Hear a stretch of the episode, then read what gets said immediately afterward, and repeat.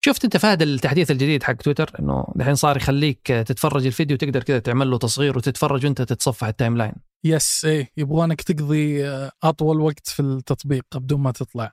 يعني ما أدري شوف مع إني كنت في البداية من المعارضين حق إيلون ماسك بس قديش أنت تتصور إنه ممكن إنه من جد إنه يصير تويتر التطبيق لكل شيء؟ يعني الآن صار يسمح فيديوهات مدتها ساعة في أفلام وثائقية يعني قبل كم يوم What Is a Woman نشروه مدته ساعة وشوية. بعض البودكاستات آه، مدتها ساعة وشوية صارت تنشر على تويتر برضو. كذا فيديو كامل مدته ساعة.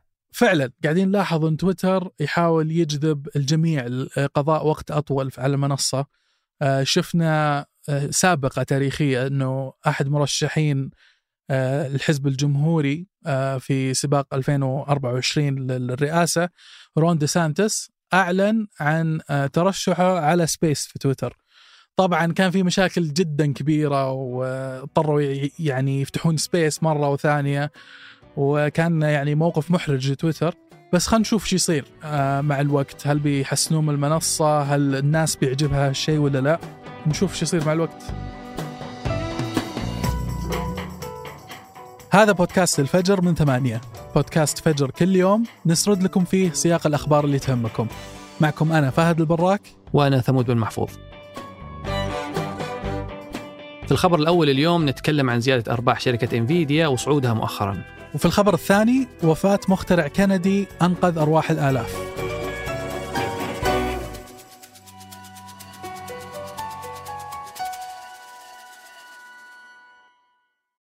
قهوة الصباح وأجود محاصيل البن المختص تلاقيها في خطوة جمل.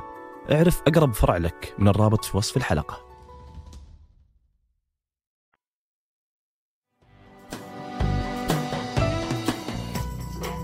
آبل ومايكروسوفت شركات مألوفة لنا لأسباب كثيرة، خدماتها ومنتجاتها ملموسة وموجودة في النواحي كثير من حياتنا.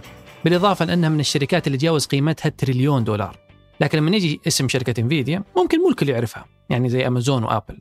لكن الشركة في الطريق عشان تصير ضمن أكثر الشركات قيمة في التاريخ، وهذا كله يرجع للطفرة اللي حاصلة في مجال الذكاء الاصطناعي واللي رفع من أهمية الشركة وزاد من ربحيتها ونموها في السنوات الأخيرة وخلى اسمها متداول في كل الصحف والمواقع. انفيديا بدأت في كاليفورنيا في سنة 1993 كشركة للرقائق الإلكترونية وتخصصت الشركة تحديدا في تصنيع معالجات الرسوميات وتستخدم منتجاتها في ألعاب الفيديو سواء للعب أو الإنتاج وأيضا في صناعة الأفلام. لكن خدمات الشركة ومنتجاتها توسعت مع الوقت وزاد عدد عملائها وما صار يقتصر فقط على شركات الألعاب. لأنه صار لها بصمة في قطاعات مختلفة وصارت تقدم خدمات لأهم الشركات زي مايكروسوفت وجوجل وفيسبوك اللي صارت تستخدم معالجات انفيديا في الأبحاث وفي الذكاء الاصطناعي. انفيديا أيضا لها مساهمة في قطاع السيارات لأن المعالجات اللي تصممها تساعد في تشغيل أنظمة المعلومات والترفيه جوة السيارات وتستخدم أيضا معالجتها في مساعد السائق والقيادة الذاتية في أنواع مختلفة من السيارات منها سيارات تسلا.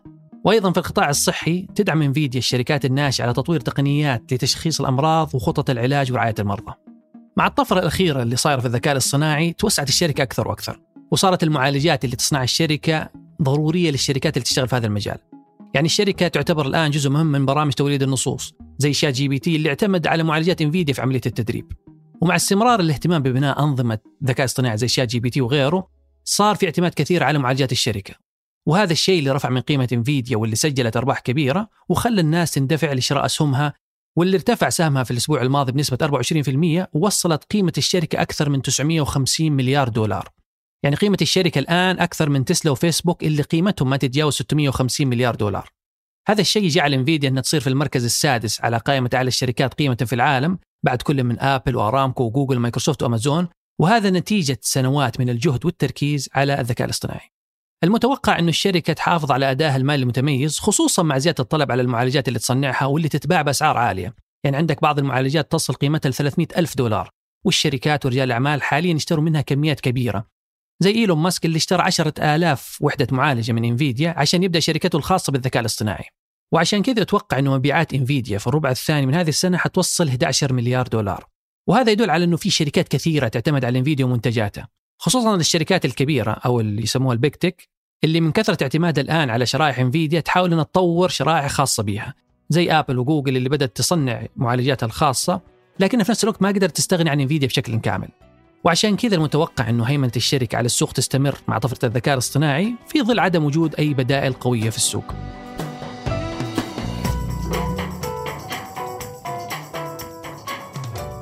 قبل أيام توفي الكندي دون بيتمان واللي يعد أسطورة في مجال السلامة الجوية عن عمر ناهز ل 91 سنة كان دون صاحب واحد من أهم الاختراعات اللي ساعدت في إنقاذ آلاف الأرواح وهو جهاز التحذير في قمرات القيادة بالطائرات الجهاز هذا جهاز إنذار يحذر الطيارين من الحوادث المفاجئة بتوجيهات صوتية.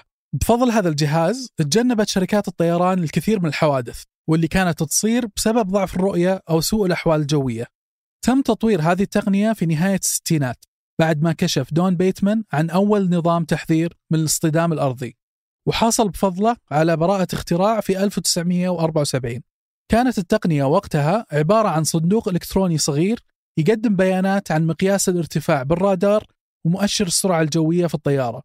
وكان النظام يعطي الطيار تحذيرات قبل 15 ثانية من اقتراب الطائرة من حالة خطرة. في عام 1971 اصطدمت طائرة ألاسكا إيرلاينز بوينغ 727 بجبل بسبب الضباب وضعف مستوى الرؤية وراح ضحيتها 111 شخص.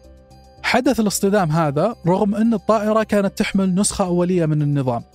بعد الحادثة قرر بيتمان أنه يركب طائرة أخرى مزودة بنفس الجهاز ويتبع نفس مسار الرحلة اللي تعرضت لحادثة الاصطدام حتى يعرف سبب الحادث. لما اقتربت طائرته من مكان الحادث أطلق الجهاز فعلا إنذارات بوجود خطر لكن الوقت لتفادي الخطر كان محدود جدا في الطائرة الصغيرة اللي راكبها بيتمان فكيف بطائرة البوينغ 737 اللي كان يقودها طيار ألاسكا إيرلاينز؟ كانت هذه الحادثة سبب رئيسي دفع بيتمان لتطوير هذه التقنية. شهدت التقنية بعد الحادثة المميتة لشركة ألاسكا إيرلاينز عدة تعديلات. ففي التسعينات شهد النظام إضافة نظام تحديد المواقع GPS وبيانات التضاريس للمناطق اللي تمر عليها الطائرات. وصار نظام الإنذار أكثر فاعلية من خلال التحذيرات الصوتية المبكرة اللي يطلقها الجهاز. فبعد ما كان الجهاز يحذر الطيار قبل 15 ثانية من الاصطدام أصبح التحذير يسبق الاصطدام بدقيقتين كاملة مع إنذارات صوتية أكثر كفاءة.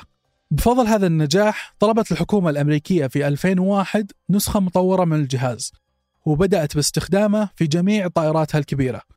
وكانت هذه الخطوة سبب كبير لاعتماد شركات الطيران في العالم لهذه التقنية. ساعد هذا الجهاز في خفض حوادث قطاع الطيران بشكل كبير. فمن 2011 حتى 2020 شهد العالم ست حوادث طائرات اصطدام فقط. مقارنة ب 17 حادث في العقد اللي قبله سببت مقتل مئات الأشخاص.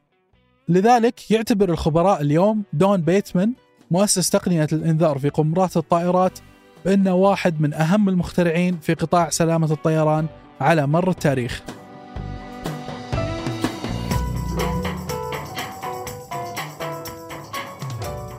وقبل ننهي الحلقة هذه أخبار على السريع.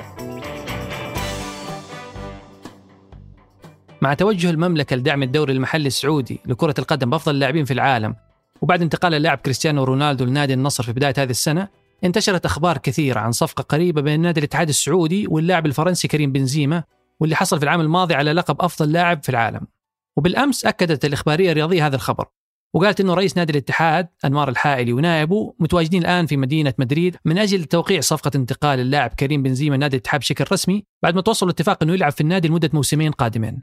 وفي دراسة علمية جديدة نشرتها جمعية القلب والأوعية الدموية البريطانية وجد الباحثين أن مع بداية أسبوع العمل تزيد احتمالية الإصابة بنوبات قلبية خطيرة مقارنة باقي الأوقات الثانية. من الأعراض اللي رصدتها الدراسة الارتفاع المفاجئ في معدل النوبات القلبية وانسداد شرايين عضلة القلب. وبالرغم من عدم وجود أسباب مؤكدة لحدوثها إلا أن الباحثين وضعوا احتمالات لارتباط بداية الأسبوع بإيقاع الساعة البيولوجية ودورة النوم والاستيقاظ بالجسم. وبعد مرور أكثر من أربع أشهر على إعلان وزارة الخزانة الأمريكية من أن ديون الحكومة تعدد سقف الديون المسموح به وصلت ل 31 تريليون دولار وتحذيرا من أنه عدد سداد الدين راح يتسبب في مشاكل اقتصادية كبيرة وقع الرئيس الأمريكي نهاية الأسبوع الماضي قرار برفع سقف الدين العام لأكثر من 31 تريليون بعد مفاوضات طويلة مع الكونغرس الأمريكي انتهت بالموافقة على خفض الإنفاق الحكومي مقابل رفع سقف الدين مرة جديدة.